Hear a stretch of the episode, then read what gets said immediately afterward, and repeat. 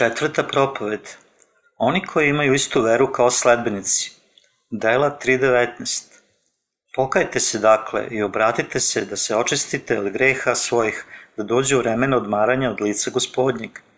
Gledajući na sledbenike Isusa Hrista, veličina njihove vere kada su se nastanili svetim duhom bila je vidno drugačija od njihove vere dok nisu bili – Njihova tela nisu izgledala drugačije, ali nakon primanja Svetog Duha, njihovi životi bili su sasvim izmenjeni svetlošću Isusa Hrista. Grad gde živim ima divne planine i jezera. Gledano na tako drag prizor, ja postajem ispunjen sa zadovoljstvom i divljenjem da mogu samo da zahvaljujem gospodu za takvu kreaciju. Blistavost kristalno čiste vode sjaji na suncu, čineći moje srce punim i svet oko mene izgleda kao zlato ali ima mesta gde se takav prizor lepote nije manifestovao. To su mesta gde je nebo kristalno jasno, ali voda pod sunčevom svetlošću izgleda više nalik nekoj močvari. Sa te strane nije tako blistavo. Gledajući jezero kao ovo, ja zahvaljujem gospodu za njegovo divno evanđelje koje je očistilo moje grehove i postiglo da se nastanim svetim duhom. Kao što naliče blatnjavog jezera nije moglo da reflektuje svetlost, Takođe, mnogo onih koji su udaljeni od svetla Božijeg i koji su okrenuti prema jednoj najpoznatoj odrednici radi svoje grešne prirode. Ali ako Sveti Duh stane u naše srcu, mi ćemo biti otkriveni kao dete Božije i bit ćemo vođeni da učimo evanđelje druge ljude. Zato što smo prihvatili njegovu svetlost, mi ćemo početi da sijamo kao svetlost. Isto tako, nakon Isusovog vaskrsajenja, njegovi sledbenici su primili svetog duha i postali deca i apostoli sveta. Svetlost svetog duha je veliki blagoslov za sve i stoga većina ljudi želi da primi svetog duha. Vera apostola Pavla. Koju vrstu vere je imao Pavla? Pavle u svojoj ispovesti vere kaže da je bio vaspitavan i savršeno naučen od Gamalila, jednog od najvećih učitelja zakona u to doba, tačno saglasno zakonu njegovih očeva, ali on je ispovedio da se čak ni sa zakonom nije mogo spasiti od svojih grehova i činjenično bio je progonilac Isusa, našeg spasitelja. Jednog dana on je susreo Isusa na putu za Damask – i postao evanđelista njegovog evanđelja. On ima vere u Isusa Hrista kao Sina Božijeg koji je došao na ovaj svet da očisti sve grehe sveta. Bio kršten Jovanom da očisti sve grehe sveta i krvari na krstu da bi uzeo svu osudu za te grehe. Drugim rečima, Pavle je u svom srcu imao veru u opraštanje greha. Isusovi učenici su verovali da je Isusovo krštenje od Jovana i njegova krv na krstu bila za oproštenje od svih njihovih grehova, Pavle je prenosio tu veru sa učenicima i bio je spašen od svih svojih grehova. Pavle je rekao u Galatima 3.27 Jer koji se god u Hrista krstiste, u Hrista se obukoste i ispoveduje svoju veru u Isuo krštenje kao svoje spasenje. Takođe, Petar je rekao u 1. Petrovi 3.21 Za spomen toga i nas sada spašava krštenje, ali ne pranje telesne nečistote, nego obećanje dobre savesti Bogu vaskrsenjem Isusa Hrista – I on je prikazao divno evanđelje Isuo krštenja kroz ove stihove. Isusovi sledbenici su verovali da njegovo krštenje od Jovana čisti sve grehe sveta. Njima je bilo oprošteno za grehe i stoga nisu više bili pod kletvom zakona, jer su verovali u ovu istinu. Oni su verovali i u krštenje Isusovo i u krv njegovu na krstu. Evidentno je da je ova vera bila neophodna za uspešnu kvalifikaciju sledbenika. U delima 1, 21 do 22 je rečeno – Treba dakle od ovih ljudi koji su bili sa nama za sve vreme, kako među nas uđe i iziđe gospod Isus, počevši od krštenja Jovanovog do dana kad se uze od nas, da bude s nama sve dok njegovog uskrsenja, jedan od ovih. Postaćemo sledbenici Isusovi počeši sa verom u Isuo krštenje od Jovana. Istina koja nam je potrebna radi oproštenja naših grehova jeste vera u krštenje Isusovo i njegovu krv na krstu jer koji se god u Hrista krstiste, u Hrista se obukoste. Galatima 3.27 Stoga Pavle takođe veruje Isusovo krštenje od Jovana i njegovu krv na krstu. Hajde da pogledamo Titu 3.5. Ne za dela pravedna koja mi učinismo, nego po svojoj milosti spase nas banjom preporoda i obnavljanjem duha svetog. Ova fraza banjom preporoda znači da su svi gresi sa sveta bili očišćeni kad je Jovan krstio Isusa – Slično, ako želite da vam budu oprošteni vaši gresi, treba da verujete u divno evanđelje koje kaže da su vaši gresi prešli na Isusa kroz njegovo krštenje od Jovana. Razlog što je Isus bio raspet i krvario do smrti je to što je on uzeo sve naše grehe kroz krštenje koje je on primio od Jovana. Vera u ovu činjenicu je dovoljna da se dobije ustanovljenje svetim duhom. Pavle je ispovedao da je on takođe verovao u Isusovo krštenje od Jovana i njegovu krv na krstu. Hajde da pogledamo Jevrejima 10, 21 do 22, gde je rečeno – i sveštenika velikog nad domom Božijim, da pristupamo sa istinitim srcem u punoj veri, očišćeni u srcima od zle savesti i umiveni po telu vodom čistom. Ovde umiveni po telu vodom čistom ukazuje na Isusovo krštenje od Jovana, kojim su očišćeni svi ljudski gresi. Stoga, kako u Starom Zavetu, tako i u Novom Zavetu, mi možemo da nađemo da je izgru koje je sačinjeno od divnog evanđelja jeste njegovo krštenje, njegova smrt na krstu. Vi takođe morate da imate istu veru kao Pavle. Danas većina hrišćana veruje u njega, zaludno, bez znanja da su svi gresi sveta već očišćeni. A onda kad je Jovan krstio Isusa, neki teolozi argumentuju da ljudi lično moraju biti kršteni u vodi da bi dobili oproštaj za svoje grehe. Ova tvrdnja je verovatno načinjena bez poznavanja istine i divnog evanđelja vode i duha, kako je zapisano u Bibliji. Naši gresi ne mogu da budu oprošteni pukom ceremonijom potapanja u vodu. Vera u Isusovo krštenje i njegovu krv čisti nas od svih naših grehova. Samo oni koji veruju u divno evanđelje imaju oproštenje od svih svojih grehova. Pomoću vere u njegovu krv oni su otplatili svaku svoju osudu. Samo oni koji imaju tu veru mogu primiti svetog duha. Da pristupamo s istinitim srcem u punoj veri, očišćeni u srcima zle savesti i umiveni po telu vodom čistom. Jevrejima 10.22 Pisac jevrejima nam kaže da dođemo bliže Bogu sa istinom u srcu, u punoj sigurnosti sa verom. Vi takođe treba da priđete blizu njega sa istinskim srcem, u punoj sigurnosti sa verom u divno evanđelje. Danas hrišćani gaje iskrenu nadu za dobijanje ustanovljenja svetim duhom, ali sveti duh stanuje samo onima čiji su gresi oprošteni. Mnogi ne znaju ovo i stoga žele da prime svetog duha bez vere u divno evanđelje i su okrštenje i njegove krvi. Oni koji veruju u Isusa i još ne veruju u njegovo krštenje i njegovu krv na krstu, ne mogu primiti svetog duha.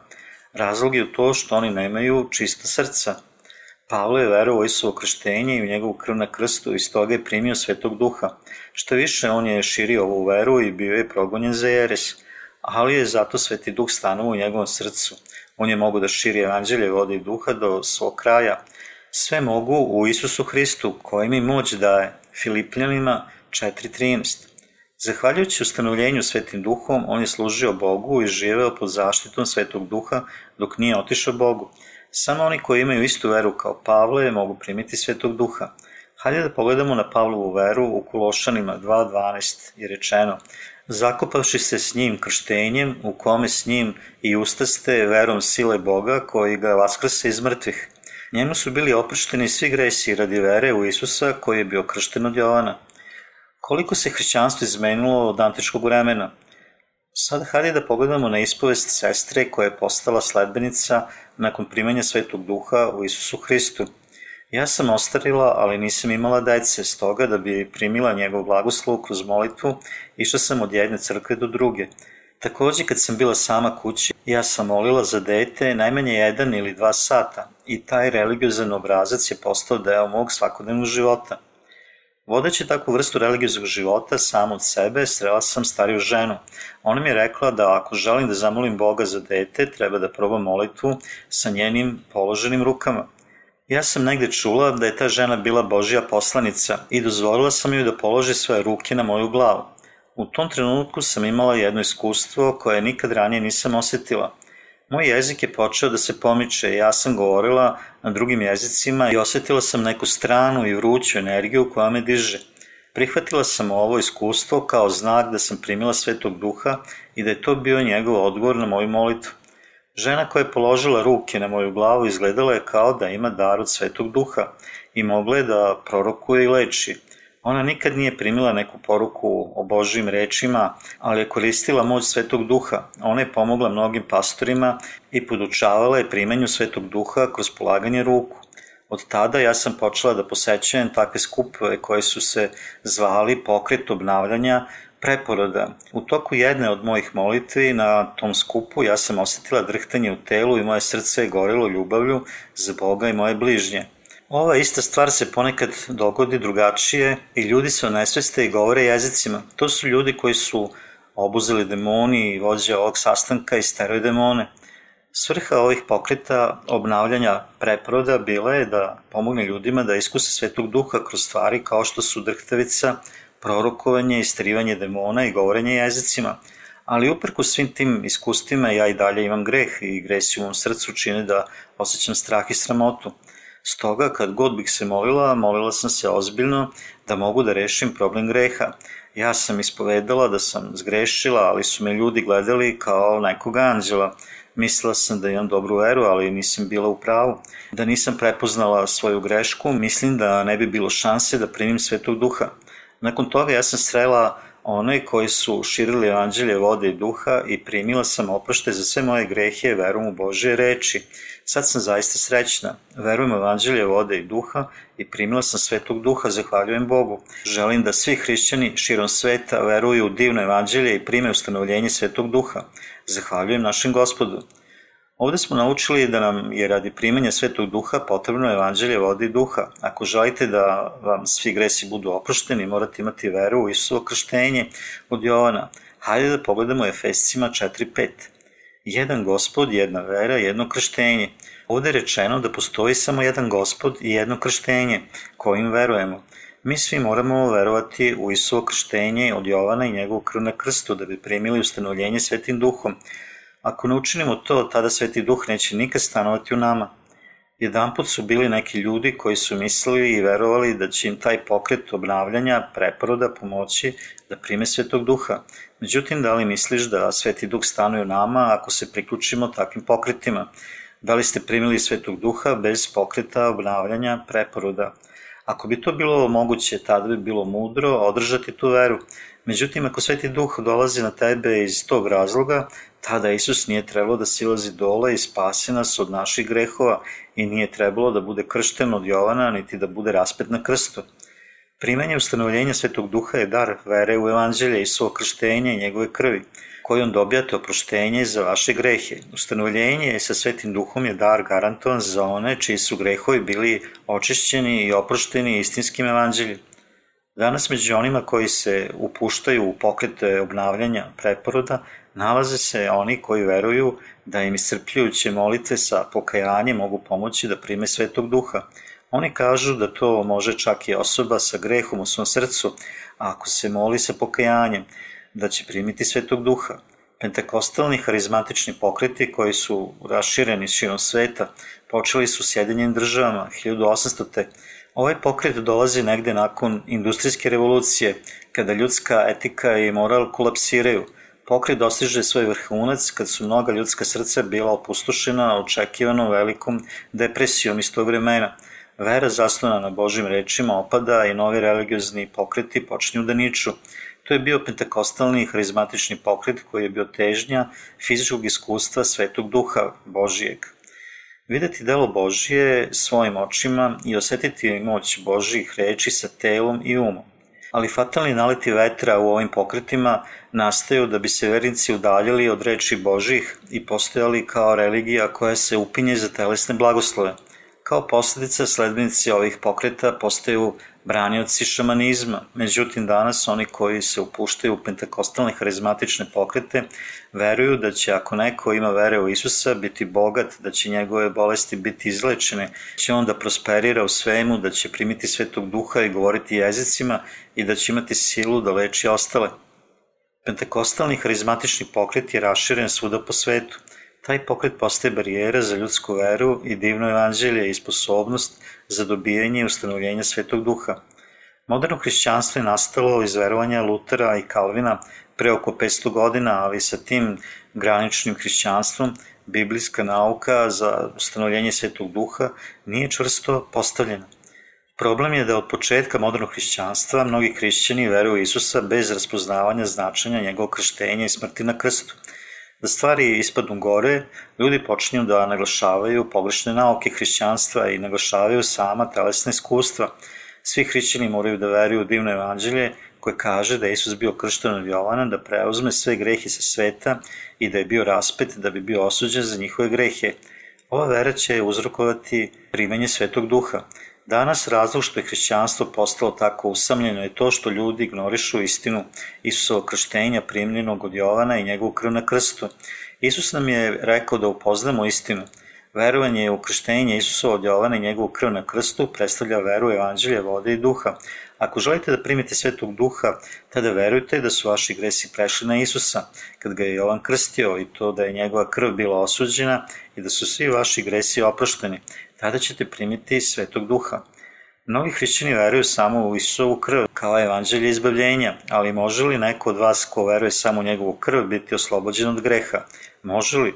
Ako mislite da to može, moguće da imate samo nejasno znanje o istinskom značenju Isusovog krštenja.